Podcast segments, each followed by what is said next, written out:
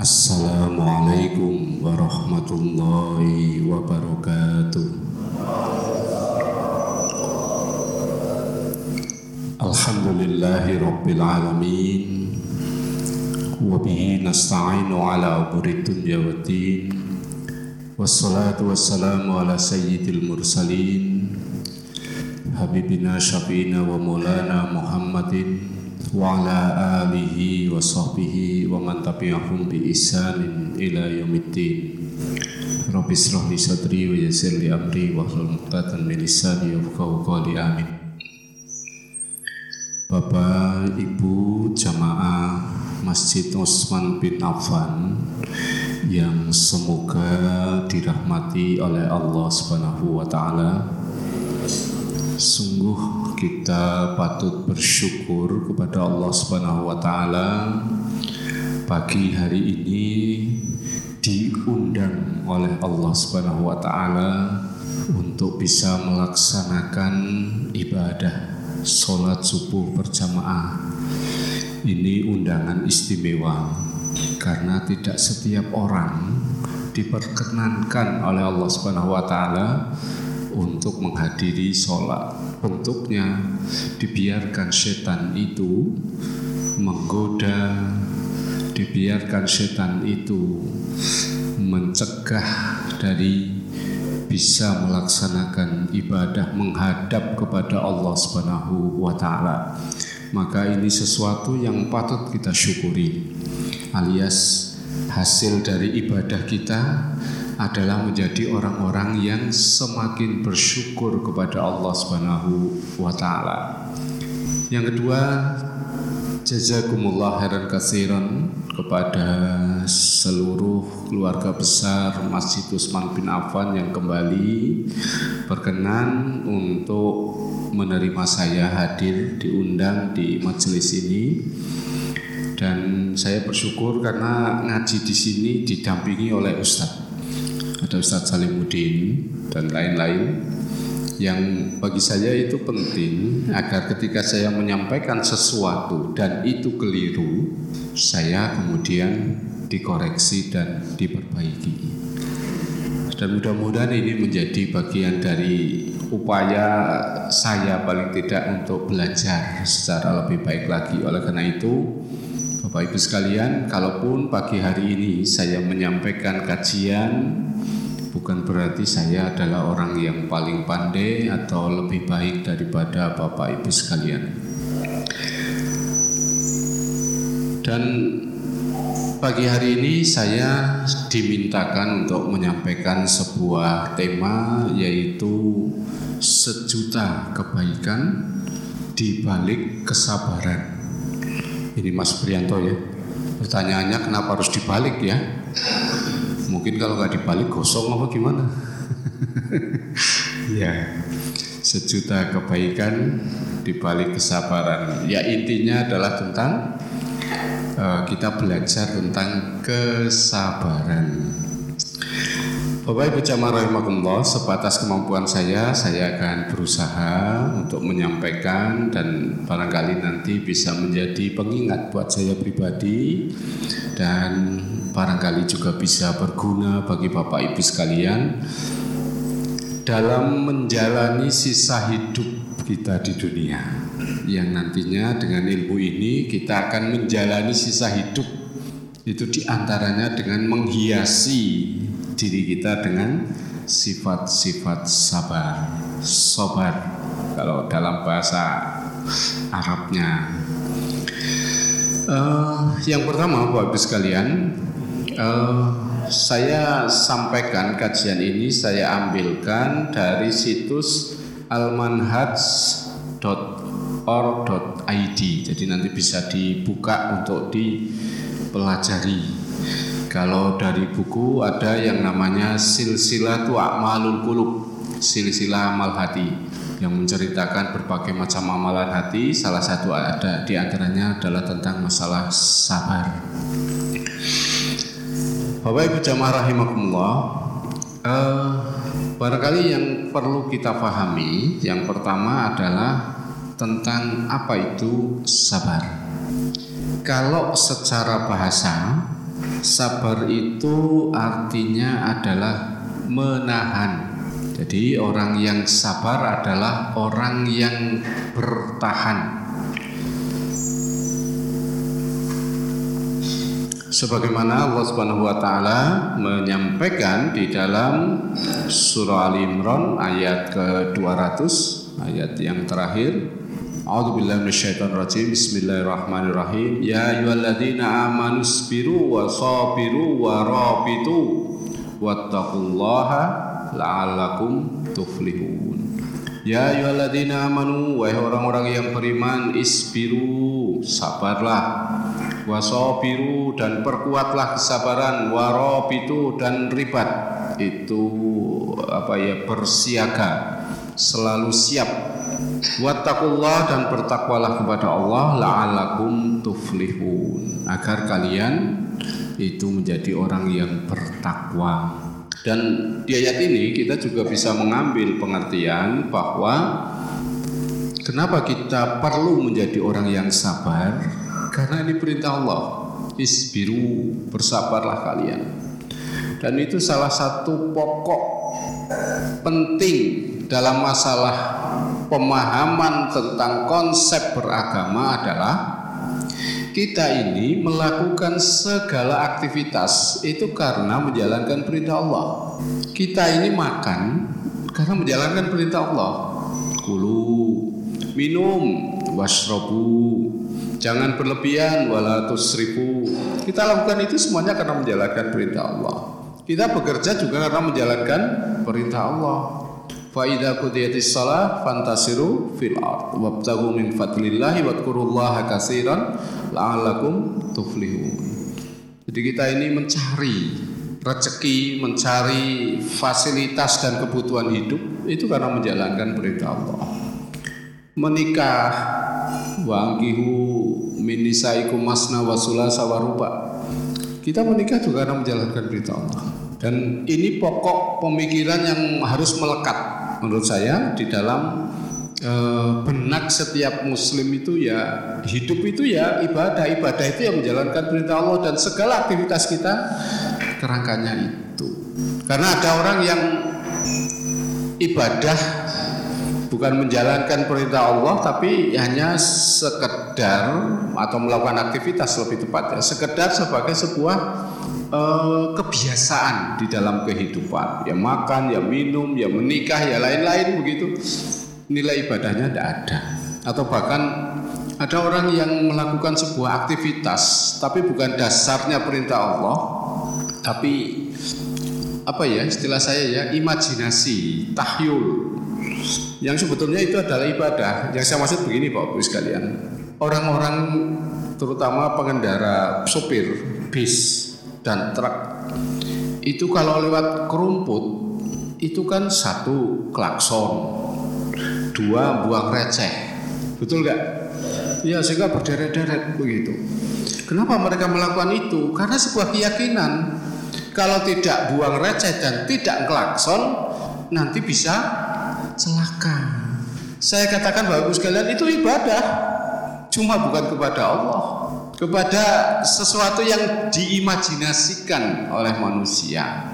Bahasa populernya namanya sing bau rekso, begitu. Atau sing nunggu, begitu.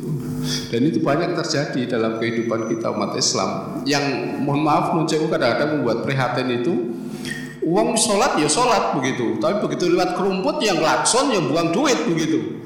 Kan kacau menurut saya hal ini. Mestinya orang beriman ya tidak seperti itu. Jadi kalau ditanya kenapa Anda buang receh di kerumput itu, jawabannya harus ini perintah Allah, begitu. Kalau ini perintah Allah, saya mau buang receh. Kalau enggak ya enggak. Karena begini, kadang-kadang yang namanya kemusyrikan itu sumbernya adalah imajinasi manusia yang berkembang. Saya ingat barangkali yang sepuh-sepuh di sini ingat 30 tahun yang lalu kan nggak ada ritual buang receh di kerumput itu bolak-balik lewat kerumput itu dulu biasa saja. Tapi mungkin ada satu dua peristiwa orang celaka karena kerumput itu memang jalannya belok-belok menurun gitu ya. Akhirnya muncul imajinasi oh ono sing bau reksa. Dan akhirnya jadilah sebuah perilaku yang seperti sekarang ini. Demikian pula dalam sejarah berhala-berhala yang disembah oleh orang-orang Arab itu itu adalah sebuah proses. Begitu bukan sekaligus begitu ya adalah sebuah proses. Nah ini yang uh, pertama bahwa kita ini menjadi orang-orang yang sabar itu dasarnya adalah perintah Allah Subhanahu wa taala. Kemudian yang kedua Bapak Ibu sekalian rahimakumullah bahwa menjadi orang yang sabar itu adalah perilaku yang melekat. Saya katakan melekat gandeng dengan keimanan alias di antara tanda-tanda keimanan seseorang adalah dia memiliki sifat sabar, memiliki sifat sabar. Hadis yang diriwayatkan oleh Muslim Rasulullah Sallallahu Alaihi Wasallam ngajaban li amril mukmin. Sungguh mengherankan urusan orang mukmin. Inna amruhu kullahu khair. Semua urusan orang mukmin itu baik. Walaisa dzalika liahadin illa lil mukmin. Dan tidak ada yang seperti itu kecuali orang mukmin. Jadi ini ciri utama begitu ya ciri utama di antara ciri-ciri utama yang lain seorang mukmin adalah uh, yang disebutkan oleh Rasulullah SAW. Walaisa dzalika lihatin illa lil mukmin. In asabathu sarra'u syakara. Kalau menimpa kepada dia kemudahan, kesenangan, sesuatu yang menyenangkan, maka dia syakaro dia akan bersyukur. Fakana khairon lahu. Dan itu adalah baik baginya. Wa in asabathu kalau menimpa kepada dia mudorot kesulitan, masalah, persoalan, hal-hal yang tidak menyenangkan, sobaro dia bersabar. Fakana khairon lahu. Dan itu adalah baik baginya. Jadi syukur dan sabar ini ibarat mata uang yang melekat jadi satu. Dan itu menjadi hiasan orang mukmin. Karena pada dasarnya hidup kita kan cuma menghadapi dua hal itu. Menyenangkan atau tidak menyenangkan, sesuai atau tidak sesuai dengan keinginan atau harapan, sesuatu yang mudah atau sulit. Itu saja yang kita hadapi dalam hidup, gitu. Oleh karena itu, sikap utama menghadapi kehidupan di dunia ini ya dua hal itu, sabar dan syukur. Oleh karena itu sangat beruntung menurut saya orang yang hidupnya itu bisa dihiasi dengan dua hal utama ini. Sabar syukur syukur sabar. Cuma itu dok. Begitu. Dan bapak ibu sekalian rahimakumullah sabar adalah sesuatu yang bisa menjadi wasilah kebersamaan Allah dan pertolongan Allah Subhanahu wa taala. Ayatnya mungkin sering kita dengar innallaha ma'as-sabirin. Allah bersama dengan orang-orang yang sabar. Kemudian juga wasta'inu bis sabri wassalah. Mintalah pertolongan kepada Allah itu dengan sabar dan sholat. Dan yang menarik adalah bagi saya yang disebutkan di dalam Al-Quran bahwa Allah Subhanahu wa taala itu akan memberikan pahala kepada orang-orang yang bersabar itu tanpa batas. Innama yuwaffas sabiruna ajrohum bighairi hisab. Sesungguhnya Allah membalas memberi balasan kepada orang-orang yang sabar itu tanpa hisap, tanpa batasan, tanpa dihitung. Alias selama kita masih memiliki sifat sabar, maka selama itu pula kita senantiasa dialiri pahala oleh Allah Subhanahu wa taala. Misal ada orang diberi oleh Allah Subhanahu wa taala sakit. kemudian dia bisa bersabar dengan sakitnya itu. Maka selama dia mengalami rasa sakit dan selama dia masih bisa bersabar dengan sakitnya itu, maka selama itu pula dia senantiasa diberi balasan oleh Allah Subhanahu wa taala. Oleh karena itu, sikap yang terbaik ketika menghadapi fenomena sakit seperti itu adalah ya bersabar. Gitu. Bentuknya mulai dari yang paling sederhana. Tidak berkeluh kesah, tidak suka menceritakan penderitaannya kepada orang lain untuk mendapatkan simpati, dukungan, begitu ya, dan sebagainya. Dia terima itu rasa sakit itu. Tentu saja Sabar itu bukan sifat yang pasif, bukan sikap fatalistik, tetapi adalah menerima bahwa segala sesuatu itu sudah ditakdirkan oleh Allah Subhanahu wa taala dan kalau dia mau menyelesaikan atau menghindarkan diri dari kesulitan yang dia hadapi, dia akan melakukan dengan cara-cara yang tidak melanggar aturan Allah. Makanya orang nunsewu kalau dalam kondisi miskin disebut orang yang sabar dalam kemiskinan ketika dia bekerja mencari rezeki tetap dalam pekerjaan yang halal. Tetapi kalau kemudian dia mencari sesuatu yang haram yang dilarang oleh Allah Subhanahu wa taala karena hasilnya lebih banyak atau lebih besar di situlah kesabaran kemudian hilang seperti juga ada orang yang diberi oleh Allah Subhanahu wa taala sakit kalau terapinya, pengobatannya itu masih menggunakan cara yang tidak melanggar aturan Allah, maka dia masih berada dalam status kesabaran. Karena fenomenanya kan kadang-kadang begini. Ini yang saya jumpai di pasar Waki. Banyak orang-orang yang pengen laris begitu dagangan itu kemudian mendatangi paranormal. Ada yang diberi mantra, ada yang diberi jimat, begitu penglaris. Dan sekali lagi yang membuat saya prihatin, sebagian di antara mereka itu ya sholat begitu, ya sholat ya jimat, ini luar biasa begitu ada fenomena yang saya jumpai begitu. Masya Allah.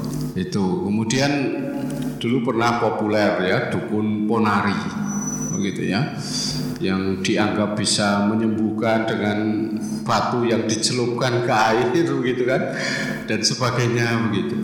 Ya kalaupun mau pakai rukyah ya baca Al-Fatihah begitu baca Al-Fatihah sesuai dengan yang pernah terjadi di era Rasulullah SAW. Bacakan Al-Fatihah ke air dengan izin Allah Subhanahu wa taala. Jadi kita melakukan karena memang ada ya tindakan atau kalimat yang bersumber dari Rasulullah SAW.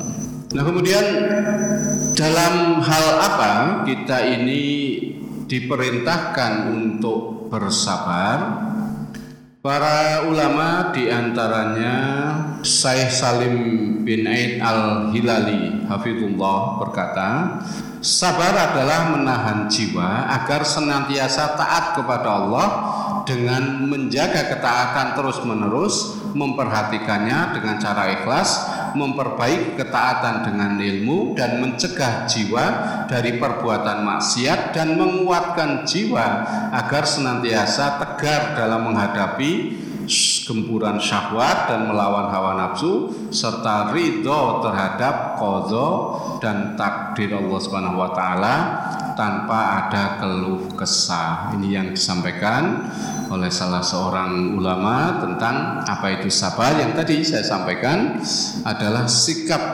untuk menahan diri tidak melakukan hal-hal yang maksiat yang dilarang oleh Allah Subhanahu wa taala ketika sedang tertimpa sesuatu. Kemudian ada Syekh Muhammad bin Saleh Al Utsaimin, beliau berkata, sabar adalah menahan jiwa agar senantiasa taat kepada Allah dan menahannya dari berbuat maksiat menahan jiwa dari rasa tidak ridho terhadap takdirnya sehingga seorang bisa menahan jiwanya dari menampakkan rasa jengkel, jemu dan bosan. Dalam buku beliau Sarah Al-Usul As-Salasah sehingga beliau mengatakan sabar itu ada tiga bagian nah ini yang perlu kita pahami barangkali secara keilmuan yang pertama sabar dalam ketaatan kepada Allah. Jadi ketika orang melakukan ketaatan kepada Allah harus menghiasi dirinya itu dengan kesabaran. Allah Subhanahu wa taala di dalam surah Al-Insan ayat 23 24 berfirman A'udzubillahi minasyaitonirrajim. Bismillahirrahmanirrahim. Inna nahnu nazzalna 'alaikal Qur'ana tanzila. Sesungguhnya kami menurunkan kepada engkau Al-Quran tanzilan secara berangsur-angsur Fasbir li hukmi rabbika wala tuti minhum asiman au kafuron. Fasbir maka bersabarlah li hukmi rabbika untuk memenuhi atau bersabar untuk melaksanakan ketetapan aturan dari Tuhanmu wala tuti minhum asiman. Jangan mengikuti orang yang berdosa au kafura atau orang-orang yang kafir. Kemudian di dalam surah Maryam ayat 65 Allah Subhanahu wa taala berfirman Rabbus samawati wal ardi wa ma bainahuma fa'budhu wastabir li ibadatihi hal ta'lam. Hal ta'lamu lahu samia. Tuhan langit dan bumi dan apa yang di antara keduanya. Fa'budullah. Fa'buduhu wastabir ibadatihi. Maka beribadahlah dan konsisten komitmen uh, ketika beribadah kepadanya dan Rasulullah Sallallahu Alaihi Wasallam juga menyampaikan hadis riwayat Muslim.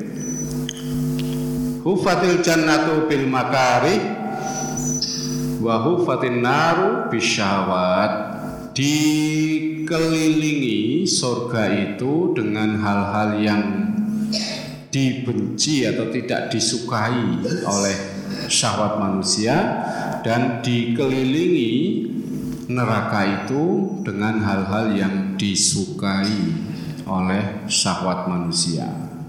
Maka Bapak Ibu sekalian rahimakumullah, uh, kadang-kadang kita ini ketika melakukan ibadah satu muncul rasa bosan, muncul rasa malas, muncul keengganan-keengganan. Apalagi kalau situasi tertentu misalkan bengi lembur, kurang turu, subuh adanya jam 4 kurang 5 udaranya adem gerimis lagi.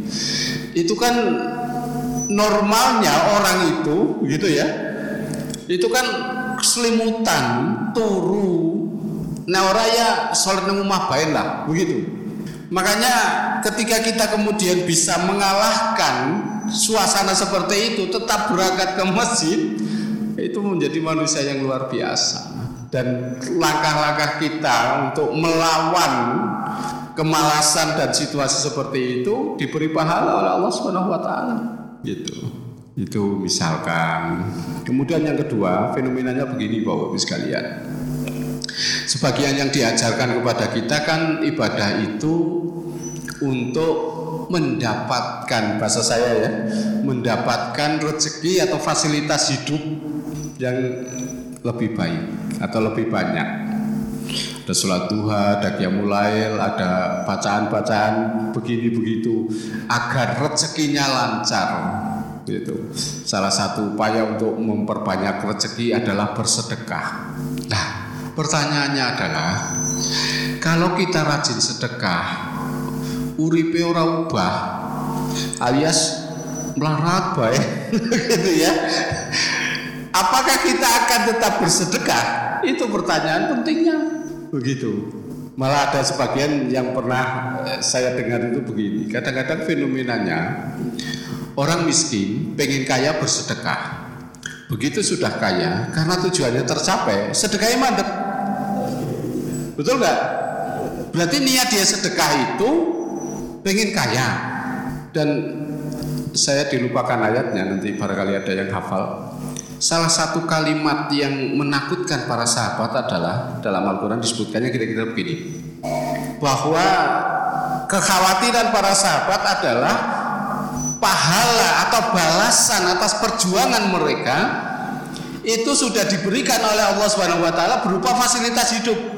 Karena setelah era Rasulullah SAW Islam mengalami kemajuan sehingga ghanimah itu datang bertumpuk-tumpuk, para sahabat itu dapat kafalah para ahli badar itu dapat kafalah dari Baitul Mal terjamin pensiun lah kira-kira begitu.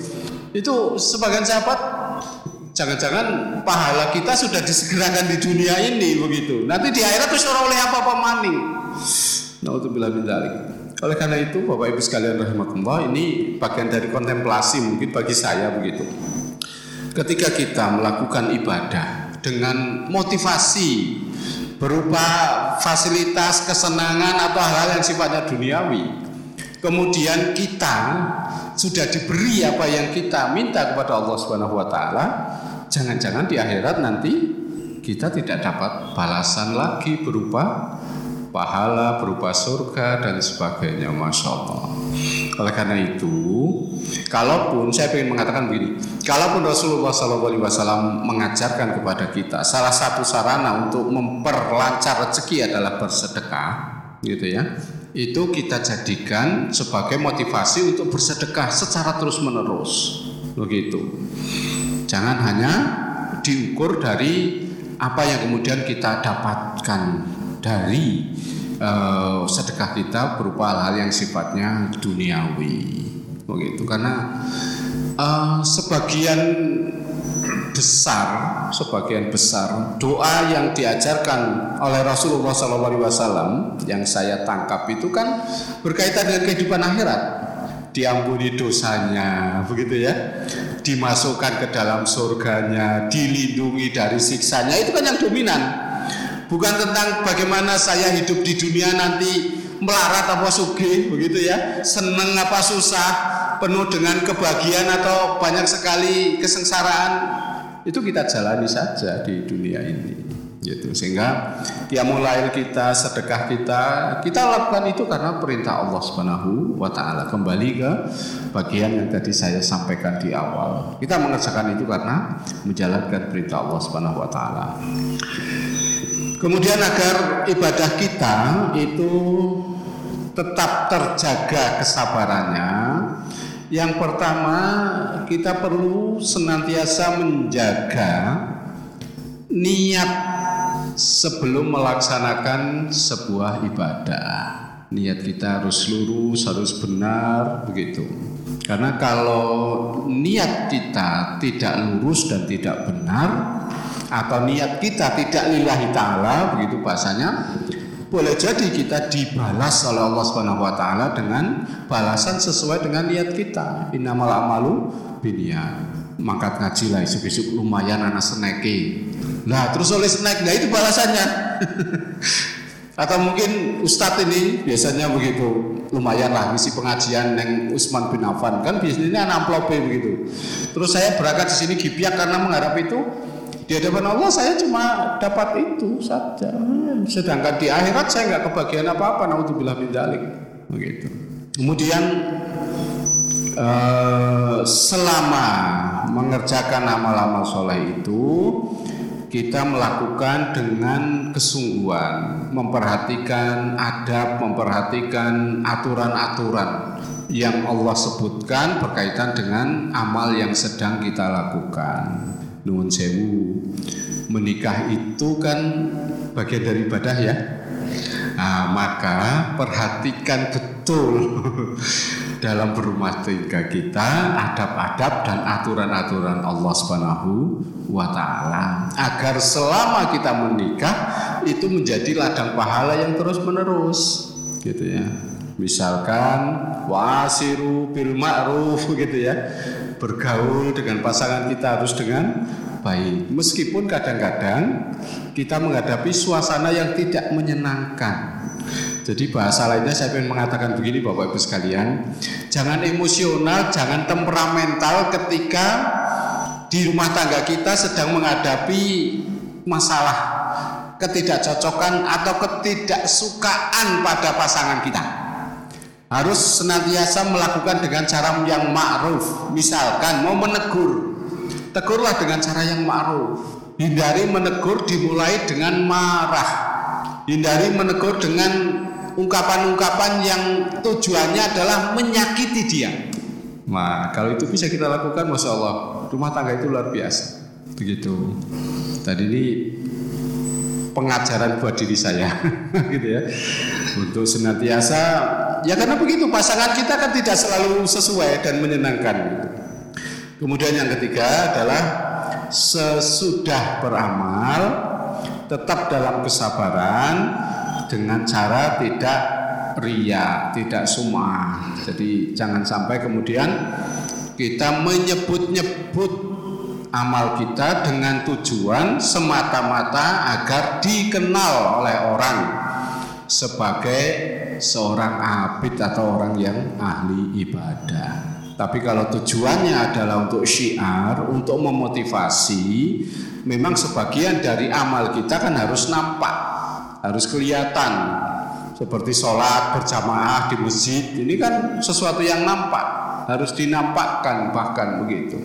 Nah, karena itu ini kesabaran yang pertama. Yang kedua adalah sabar dalam meninggalkan maksiat. Nah ini yang hal yang juga luar biasa Bapak Ibu sekalian. Karena begini kita hidup di dunia ini diberi hiasan oleh Allah Subhanahu wa taala berupa syahwat. Yuzina linasi bisyawati minan nisa'i wal banin wal qanatiril muqantarati minadz zahabi wal fiddati wal khailil musawamati wal an'am wal hars. Dzalikum mataul hayati dunya wallahu indahu husnul ma'ab. Surah Al-Imran. Memang kita itu punya hiasan dari Allah Subhanahu wa taala sebagai fitrah senang kepada lawan jenis. Nah, ini harus dikendalikan dan di apa istilahnya dibentengi dengan kesabaran. Karena kadang-kadang eh, apa ya hal-hal seperti ini menjadi sesuatu yang muncul di publik. Mohon maaf menurut Bapak Ibu sekalian. Saya juga prihatin saya punya grup macam-macam. Salah satunya grup pensiunan olahraga. Wong iki wis tua-tua, wis pensiunan, sepenuhnya pada mati begitu. Tapi kadang-kadang tetap saja posting itu gambar perempuan setengah telanjang begitu. Saya saya kadang-kadang cok pengen ngomong begini loh. Bah, bok empun wis sepo yang paling kaya ngono ya ora bisa wis sepo kan wis ndak punya kemampuan kan, nggih Pak nggih. Kalau sudah umur di atas 70 tahun itu sudah nggak bisa ngapa-ngapain begitu. Begitu. Orang kayak si enam gie begitu. Jadi ngapain kayak begitu kemudian dijadikan sarana untuk menambah dosa. Ya kok kali dikir kali banyak membuat kebaikan. Saya pengen sekali ngomong dengan cara yang seperti itu, tapi masya Allah cover gitu, wani begitu. Ya paling kadang-kadang ya sedikit eh, kata-kata kalimat begitu. Terus budi? Uh, ya rutin kan dihapus ya gitu. Pulang balik tiduran gitu. Begitu maning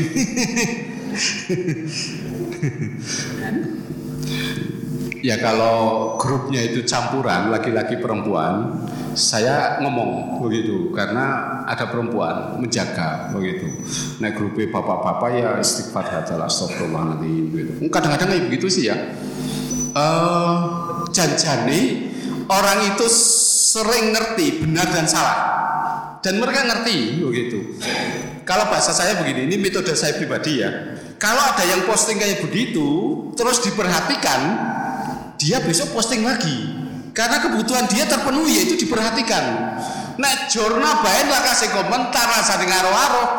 Besok lagi dia tidak akan melakukan itu karena salah satu kebutuhan kita bermedia sosial itu adalah pengen dapat perhatian dari orang-orang begitu dengan cara-cara yang kadang-kadang ya aneh-aneh itu gak usah diperhatikan jurnal lain begitu hilang saja begitu postingan satu habis itu ketutup dengan postingan-postingan yang lain ini salah satu metode. Jadi kalau ada postingan yang kira-kira tidak pantas begitu, langsung dikirimi saja postingan-postingan yang lain-lain itu lama-lama ondaan gitu, ketutup dia. Kan begitu. Kayak kita buka HP ketika postingannya banyak banget kan ser begitu ya, wis begitu. Orang diperhatikan si cici tapi nggak ada siji dideleng, siji dideleng begitu. Ya ini.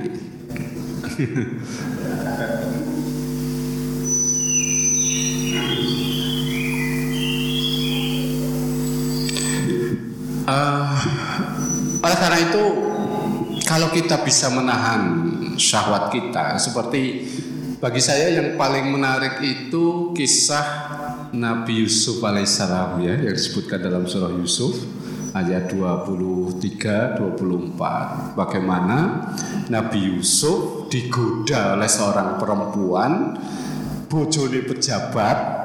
Berarti ayu ya Pak kalau zaman sini ya. Kayak ibu PC ya gitu ya. Di lebok nakamar bojone lunga lawang jendela tutupi kabeh. Kari wong loro nang omah nang jero kamar itu. Dan tidak terjadi perbuatan zina begitu ya. Maka itu bagi saya itu kisah yang paling inspiratif tentang keimanan menahan diri dari melakukan perbuatan maksiat itu ada di kisah Nabi Nabi Yusuf alaihissalam. Kenapa? Kesempatannya itu ada. Saya nggak berselingkuh mungkin karena nggak punya kesempatan. Orang duit sih pak. Kan banyak orang berselingkuh itu dimulai karena duit kan duit duit duit jabatan pas tugas luar kota atau karo bojone lagi jengkel karo bojone dilalah sing melayani di sana. Kayak begitu. Wah wis dadi. Bali seolah-olah nggak terjadi apa pun. Padahal sudah terjadi sesuatu. Dan itu banyak sekali kayak begitu masya Allah. Kenapa? Buktinya dihilangkan. Orang berbekas apa-apa kok apalagi sesuai undang-undang kalau suka sama suka tidak bisa dilaporkan gitu kan? Aneh. Dan yang terakhir Bapak Ibu sekalian adalah sebagaimana yang disebutkan di dalam surah Al-Baqarah ayat 155 sampai 157 ini populer uh, ayatnya ya. A'udzu billahi minasyaitonir rajim. Bismillahirrahmanirrahim. Wa lanabluwannakum bisyai'in minal khaufi wal ju'i wa naqsi minal amwali wal anfusi was samarat wa basyiris sabirin alladzina idza asabatuhum musibah qalu inna lillahi wa inna ilaihi raji'un.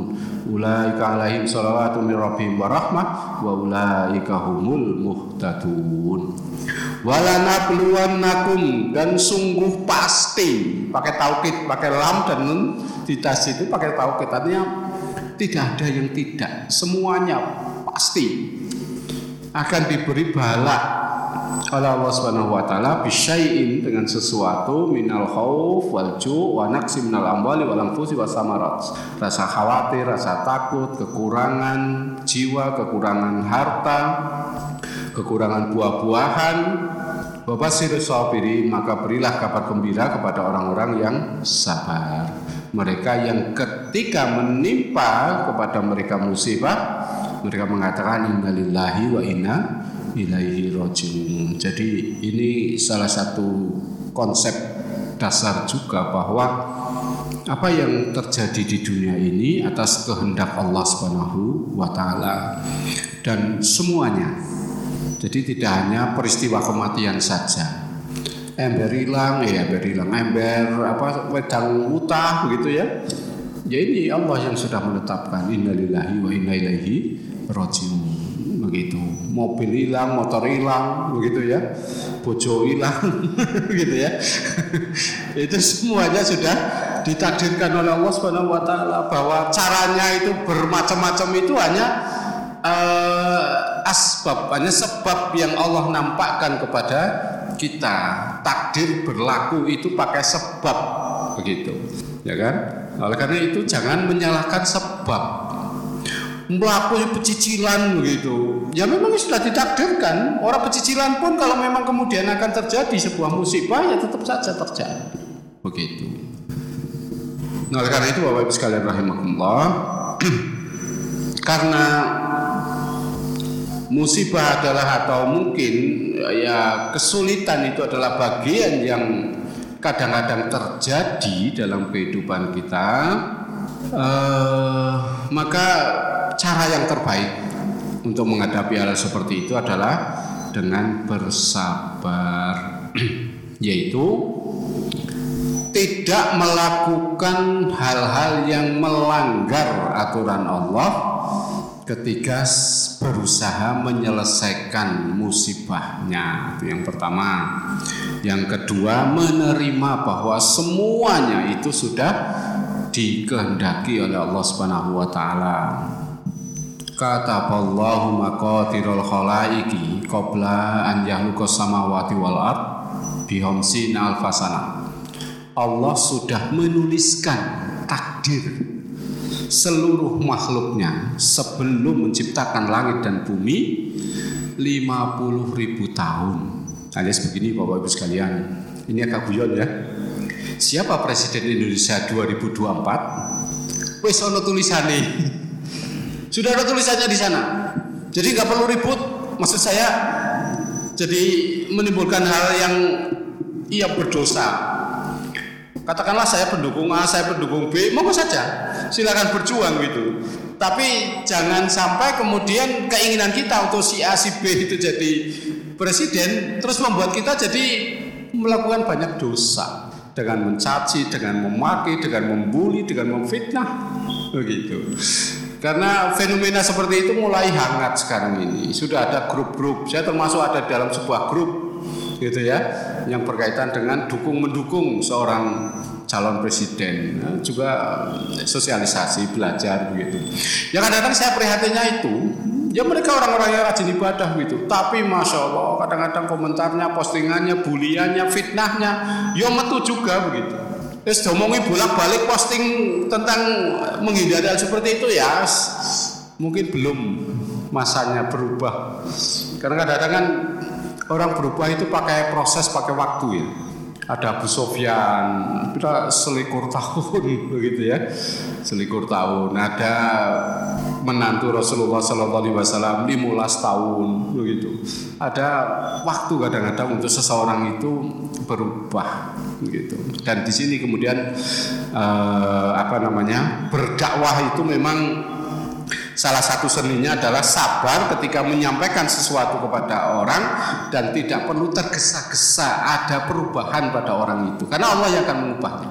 Jadi kewajiban saya, kewajiban kita itu menyampaikan termasuk nun sewu barangkali kita ngomongi anak yang anaknya sudah mulai SMP, SMA kan mulai kerasa kan ngomongi anak SMP, SMA zaman sedikit jangan, Masya Allah begitu perlu ekstra kesabaran. Kalau masih SD masih kecil itu masih gampang. SMP SMA masih kijan, masya Allah begitu. Ya saya lagi mengalami anak ragil saya terakhir gue ya masya Allah gitu ya. Lagi lagi angel banget domungi gitu. Lagi masa eksistensi jadi kalau yang kakak-kakaknya malah sudah selesai begitu.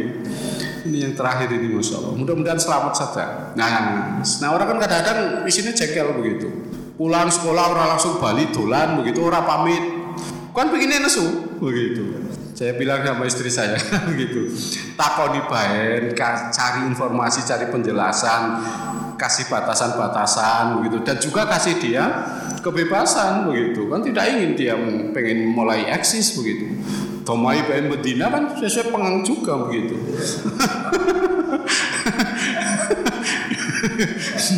Ya kan? Kadang-kadang kita kan begitu tobogi kan kan hanya nesu begitu malah orang Bali sisan malah bingung kan begitu. Iya. Jadi ini seni berdakwah termasuk berdakwah kepada keluarga itu kayak begitu. Itu termasuk ngomongi bojone lah, mungkin wong lanang ngomongin wong wadon, wadon ngomongin lanang kan harus ada ada kesabaran di dalamnya, ada seni di dalamnya gitu. Kenapa? Contohnya, ya, uh, bapak-bapak, ibu-ibu bisa mengikuti uh, YouTube-nya Aisyah Dahlan, seorang neuroterapis. Dia itu sampai cerita, dia aslinya psikolog. Dia sampai cerita, uh, dia itu baru ngeh tentang suaminya secara penciptaan, jadi otaknya segala macam itu ya sekian tahun kemudian gitu setelah dia belajar yang ternyata memang laki-laki dan perempuan itu proses penciptaannya itu berbeda di bagian-bagian otaknya itu berbeda begitu salah satu yang saya ingat misalnya begini perempuan itu setiap hari membutuhkan paling tidak 10.000 kata-kata. Kalau laki-laki eh, hanya membutuhkan 5.000 kata-kata. Maka itu yang terjadi balik kantor wis kesel bar atasan nang omah bojone wis kae tolong gak sentong begitu. begitu ya. Kayak anaknya tolong dijemput ini. Kan pinginnya nang omah ya ngasuh disit ya begitu ya. Wis perintah mungkin mungkin Ah begitu Pak. Tapi memang dia sedang menghadapi masalah dan pengen dia lontarkan dengan omong sama suaminya. Itu artinya dia cinta betul dan percaya betul kepada Bapak. Begitu. Kalau enggak dia kongkon tangga ini kan malah bahaya. begitu. ya itu. Jadi dengerin gitu kalau istri lagi curhat lagi cerita begitu. Nah yang repot kan begitu. Kita para suami mungkin asik ya mungkin dengan HP dengan ini. Dia lagi ngobrol dia itu butuh kita itu meletakkan HP diem mendengarkan. Guru ngapain pak wis lampung masalah orang perlu diomongi. Lampung dewek. Tapi kalau kita nggak memperhatikan dia asik dengan gadget kita marah dia. Begitu. Kenapa? Tambah banyak. Begitu. Pengalaman. Ya makanya begitu tabiat manusia. Itu apa ya fitrah yang melekat pada kita manusia itu. Yang menyampaikan dokter dokter Aisyah Dahlan itu. Menarik begitu. Dan saya suka mengikuti. Istri saya juga kadang-kadang tak suruh ikut. Nih kamu pengen tahu laki-laki itu otaknya seperti apa? Ikuti dia biar kamu itu ngerti yang di benak saya itu kayak apa pikiran saya itu kayak apa begitu. Dan sebagainya. Jadi kita sangat diuntungkan di era sekarang ini belajar itu mudah gitu ya.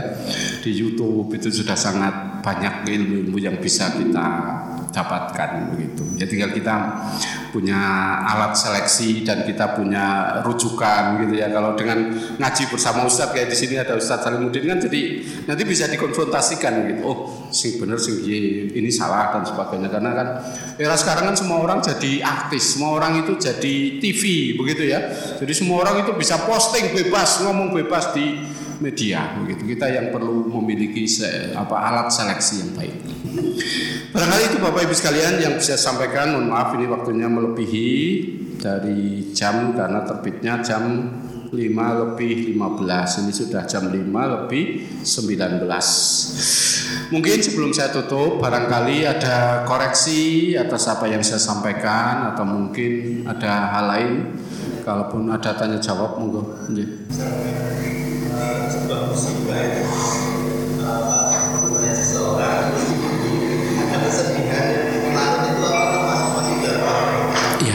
para ulama mengatakan kesedihan itu fitrah, boleh.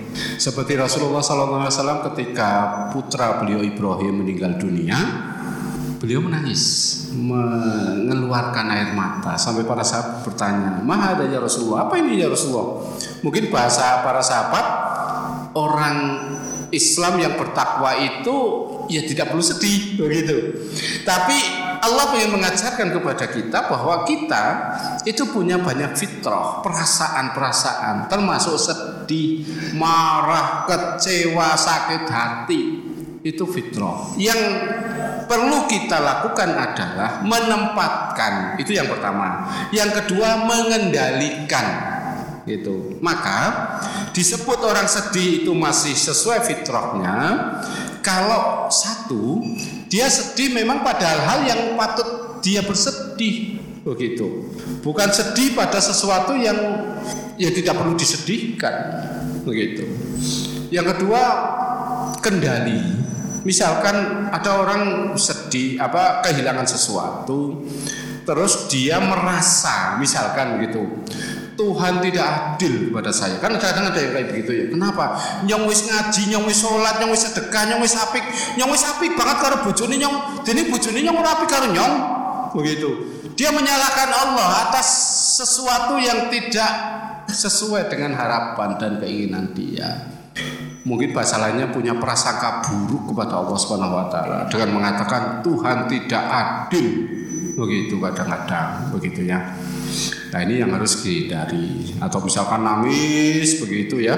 Sampai kalau dalam riwayat ya sampai nyopek-nyopek baju begitu dan sebagainya itu juga tidak diperkenankan. Termasuk di dalamnya ketika sedang sedih karena kehilangan sesuatu kemudian tidak berusaha menyelesaikannya dengan cara yang melanggar aturan. Misalkan kehilangan motor terus anak sing cerita oke nang kae ana wong pinter bisa deleng. Gitu ya. Bisa deleng barangnya nang ndi begitu. Terus dia datangi terus dia percaya terus akhirnya dia mengikuti apa yang diminta oleh orang pinter itu. Nah itu berarti dia menyelesaikan dengan cara yang boleh jadi. Itu melanggar aturan Allah Subhanahu wa taala. Begitu. Oleh karena itu ketika kehilangan sesuatu yang paling penting ya kita katakan innalillahi wa inna ilaihi rajiun begitu. Kita serahkan kalau memang rezeki kita nanti balik dengan berbagai macam sebab. Kalau memang sudah menjadi rezeki orang lain ya ya sudah kita ikhlaskan saja. Mudah-mudahan itu jadi sedekah. Seperti tanaman yang dimakan oleh burung itu kan menjadi sedekah. Meskipun kita nggak begitu suka tanaman kita dimakan burung, makanya ikhlaskan saja. Begitu. Bukan berarti sawah ora perlu di, di anu wenehi apa kae? Wong-wongan begitu ya. Ben pangan ora apa-apa ya tak kayak begitu tapi kalau mau berbagi ya enggak apa-apa. Saya saya sering mengajak kepada istri saya terutama hidup. Itu mulai berbagi dengan makhluk-makhluk yang lain. Lagi nggak wedang kayak gini semutnya akeh banget.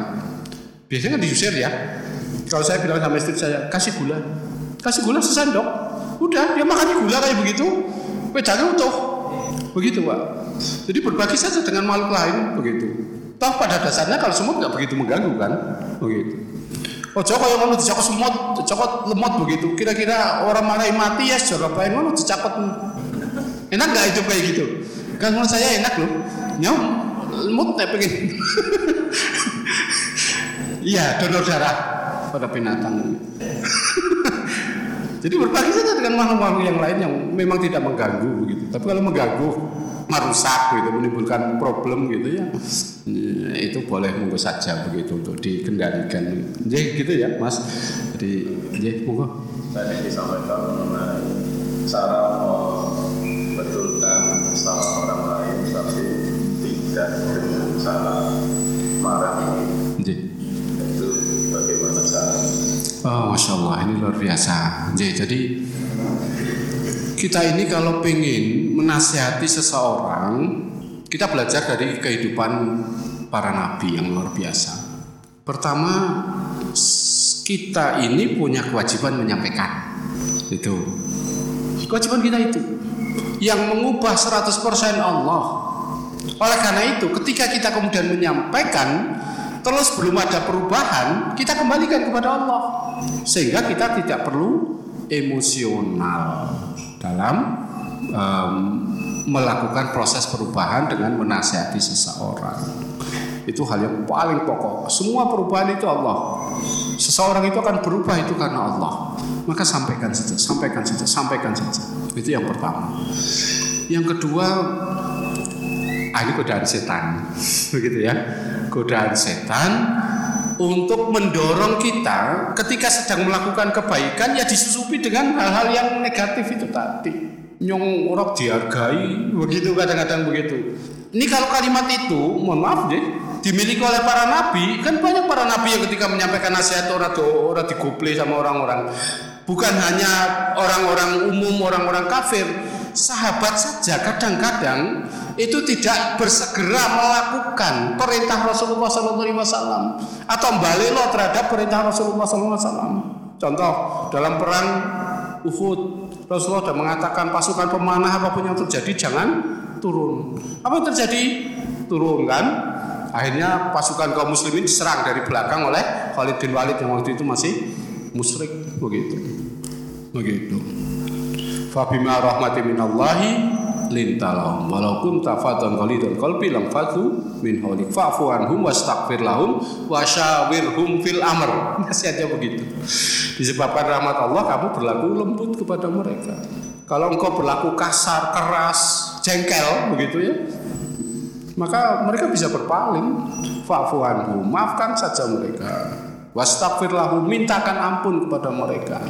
Wasyawirhum fil amr musyawarah lagi dengan mereka. Kan hebat ini. Saya disuruh musyawarah dengan istri yang lagi jengkelaken, misalkan kayak begitu. Ini kan luar biasa. Gitu. Jadi ingat betul bahwa ada godaan-godaan kita untuk melakukan hal-hal yang negatif di tengah kita sedang melakukan kebaikan-kebaikan. Kendalikan itu, gitu. Jadi itu menurut yang saya pahami tentang menasehati seseorang gitu ya, tidak dengan kemarahan-kemarahan. Karena tugas dan kewajiban kita adalah yang paling utama memberitahu. Itu Allah yang mengubah semuanya. Barangkali itu cukup gue Bapak Ibu sekalian? Alhamdulillah jazakumullah khairan kasiran. Sekali lagi saya menyampaikan ucapan terima kasih sudah diperkenankan silaturahim dengan Bapak Ibu sekalian dan permohonan maaf jika di dalam saya menyampaikan kajian ada hal-hal yang kurang berkenan. Uh, ditutup Mas Suprianto. Dari saya sekian, Assalamualaikum warahmatullahi wabarakatuh.